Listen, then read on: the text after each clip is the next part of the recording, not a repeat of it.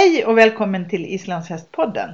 Idag ska jag och Mirre eh, prata om tölt, gångarten tölt. Ja, Precis. Och du Mirre, du är ju lite insatt i det här, mycket mer än vad jag är. ja, kanske det. Jag har jobbat som eh, instruktör ganska länge och tycker om att läsa väldigt mycket och nörda ner mig i saker och ting. Så att jo, jag har ju läst på ganska mycket om det här med tölt. Mm. Vad vet man om töltens historia? Alltså det är lite, lite svårt att säga, men man vet ju att eh, alltså, gångarten tölt finns ju beskriven både i text och bild från långt tillbaka i tiden, alltså flera tusen år före Kristus faktiskt. Eh, sen är det lite svårt att veta om den tölten var precis som den är idag. Men eh, den beskrivs i både texter och i bilder. Och man tror ju att på den tiden när det inte fanns så mycket bra vägar att åka på, alltså när man färdades till, till häst, på hästryggen, så var ju den här amble som det kallas på engelska då, eller töltgångarten, eh, var ju väldigt uppskattad. Väldigt skön att sitta på när man behövde färdas väldigt länge. Var det fler hästar som hade den då? Ja, man tror det. Mm. Att det var vanligare. Ehm, och även att större hästar hade den här töltande gångarten då. Mm. Men så småningom någonstans i mitten av, ja, mitten av medeltiden, 1500-tal där, när man började få större hästar och man började få beridet kavalleri och större rustningar. Ehm, så behövde man ha hästar som hade mer taktfast gångart, alltså då kom traven. Och även när det blev mer vägar runt om i världen, alltså farbara vägar, så började man använda mer vagnar. Eh, så att man red inte på hästarna längre. Då var det inte riktigt lika viktigt att bevara den här tölten då. Mm. Utan man red bara kortare sträckor, till exempel på jakter eller så. Mm. Eh, Så att eh, då började tölten försvinna. Man, man premierade andra gångarter hos Mm. hästen istället. Men inte på Island. Men inte på Island, nej. Island har ju fortsatt att rida på sina hästar väldigt länge och klövja saker, alltså ha, ha saker på ryggen på hästen, för det fanns inga vägar. Och likadant ser man i syd, södra USA och bortåt sydvästra USA. Där finns det fortfarande också de här Tennessee Walking Horse och vad de nu heter för någonting, de här eh, hästarna då som har en, en töltliknande gångart. Och även i Latinamerika, neråt Mellanamerika och ner till norra Sydamerika så har man passofina hästar. Så att det, Och de har också tölt. de har också tölt. Ja, Mm. precis. Är det flera eh, hästraser som har tölt? Det finns, det finns en del runt om i världen. Även i Asien finns det vissa hästraser som töltar. Sen har man ju också gjort försök i, eh, i Tyskland. Har man blandat passofinohästar och islandshästar. Det är något som man kallar för Eigidenbergerhästar. Så att det finns lite olika hästar. Är de större de där? De är lite större. De är Mm. runt 1,50. Ja, som stora islandshästar kan man säga. Ja, Mm. där ser man. Va- Var kommer tölten ifrån så att säga? Vet, vet man det?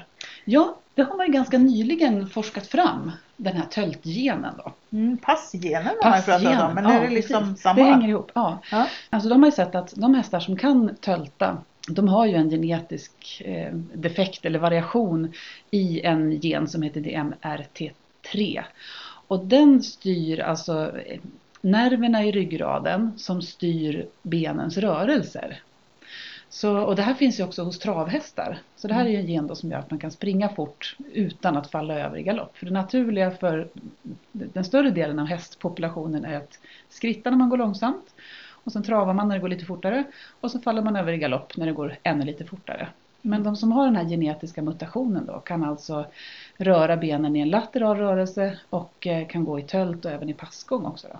Du, hur flyttar hästen benen i tölt då? Ja, då har vi ju, om man, tittar, alltså hästen, tölt är en fyrtaktig gångart utan sväv, brukar man säga. Så hästen sätter alltså ner vänster bakben, vänster framben, höger bakben och höger framben. Mm. Och det är ju samma fotförflyttning som man har i skritt. Mm. Så om vi lyssnar på ett ljudklipp här på skritt så låter det så här.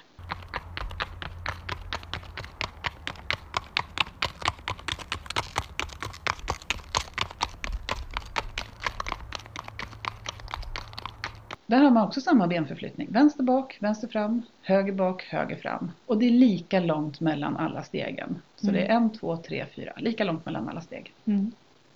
Och om man lyssnar på ren trölt så låter det så här, precis som vår signaturmelodi.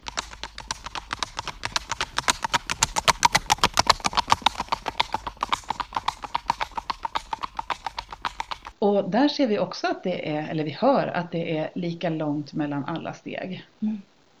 Vänster bak, vänster fram, höger bak, höger fram. Och eftersom att tölt liknar skritt i fotförflyttning, eller det är samma fotförflyttning. Skillnaden är ju att i skritt så har hästen två eller tre ben i marken och bara ett eller två i luften samtidigt. Och ju fortare det går i tölt desto färre ben har man i marken. Så Mm. i snabb tölt så har man faktiskt bara ett ben i marken Mm. under vissa faser av benförflyttningen. Då. Mm. Passtakt då? Och travtakt i tölt? Ja, det som vi just hörde här, vår signaturmelodi, det är ju ren tölt. Och det är ju någonting som är önskvärt. Vi vill ju att tölten ska vara ren, att det ska Mm. vara lika långt mellan alla, ben, alla benförflyttningar. Mm. Men sen finns det ju då hästar som kan bli passtaktiga. Och det är ju när de laterala benen kommer närmare varandra i marken. Alltså att när vänster bakben går i marken så kommer vänster framben i marken. Och då är båda vänsterbenen i marken lite längre innan höger bakben kommer i marken och höger framben. Mm. Och det kan man också lyssna på när man rider. Man kan höra det på takten. Och det har vi spelat in så här.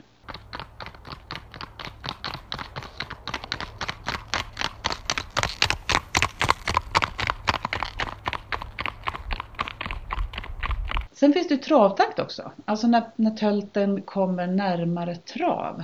Och det låter ungefär likadant som passtakt. Skillnaden då är att det är den, hästen står på det diagonala benparet lite längre.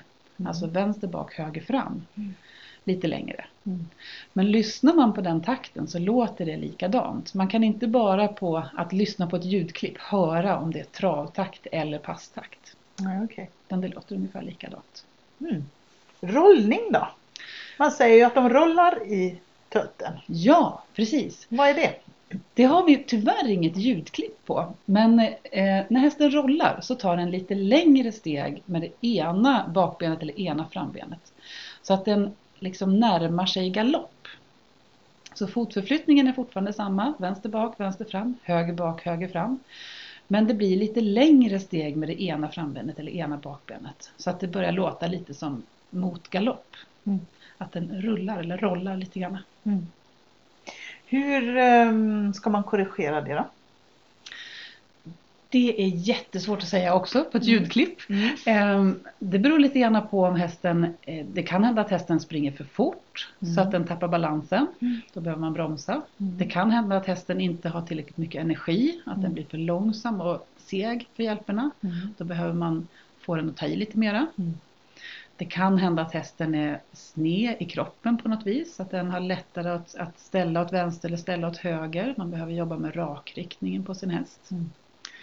Eh, Och när det gäller de flesta taktproblem så brukar man också behöva jobba med lösgjordhet, att hästen blir mera lösgjord i sidorna, att den inte är för rak utan att den blir mjukare i kroppen, mjukare i sidorna. Och hur gör man det på ett bra sätt?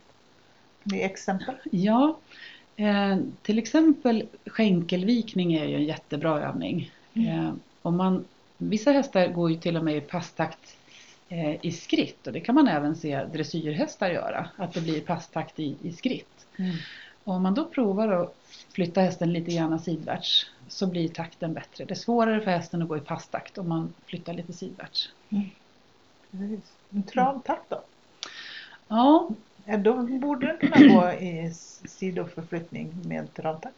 Det skulle den kunna göra. Och det här med travtakt, nu vet vi ju att vissa hästar har ju inte den här genetiska eh, defekten tycker jag är så dumt att säga, men genetiska variationen som, som de flesta islandshästar har.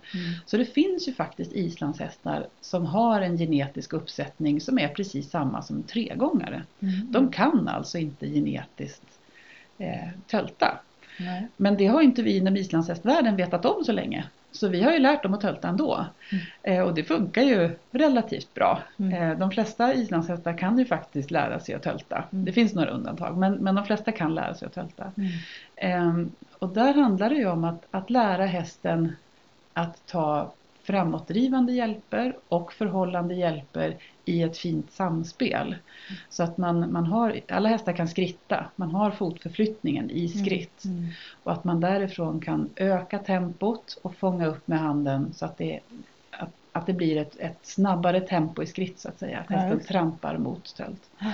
Men hästar med mycket travtakt, hästar som har den här genetiska uppsättningen som en tregångare, de brukar behöva mycket samling och mycket träning innan de kan tölta. Mm. Så det kan vara knepigt att lära även en islandshäst att tölta. Mm. Och nu har vi ju på senare tid fått den genetiska förklaringen till det. Du har ju ridit in rätt så mycket unghästar Ja. under åren som har gått. Har du träffat på många sådana som har varit svåra att, att uh, töltsätta? Inte jättemånga, men ett par. Mm. Ehm, och eh, har, vi som har hållit på länge med detta vet ju att det har funnits vissa, vissa linjer, vissa, vissa avelslinjer där det har varit svårare för hästarna att tölta.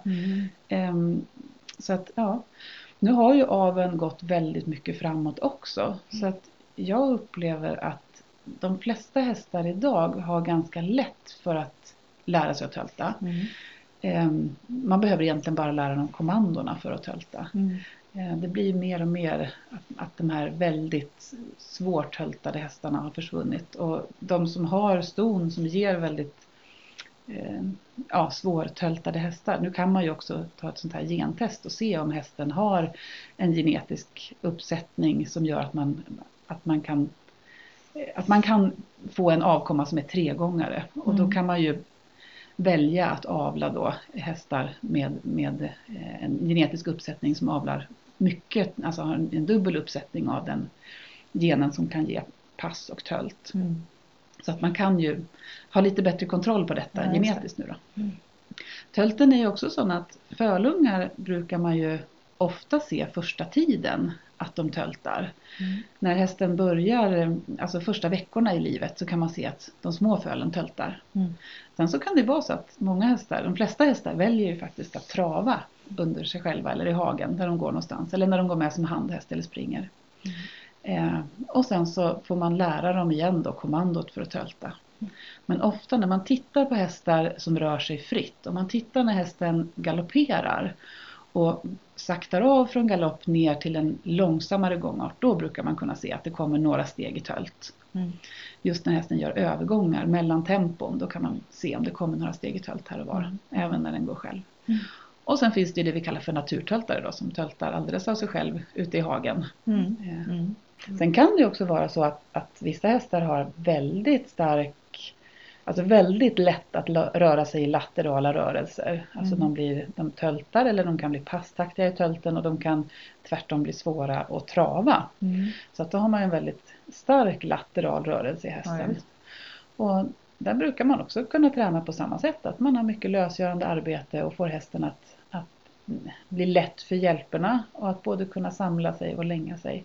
Så kan man träna hästen att, att komma till trav så småningom. Då. Tack så mycket Mirre!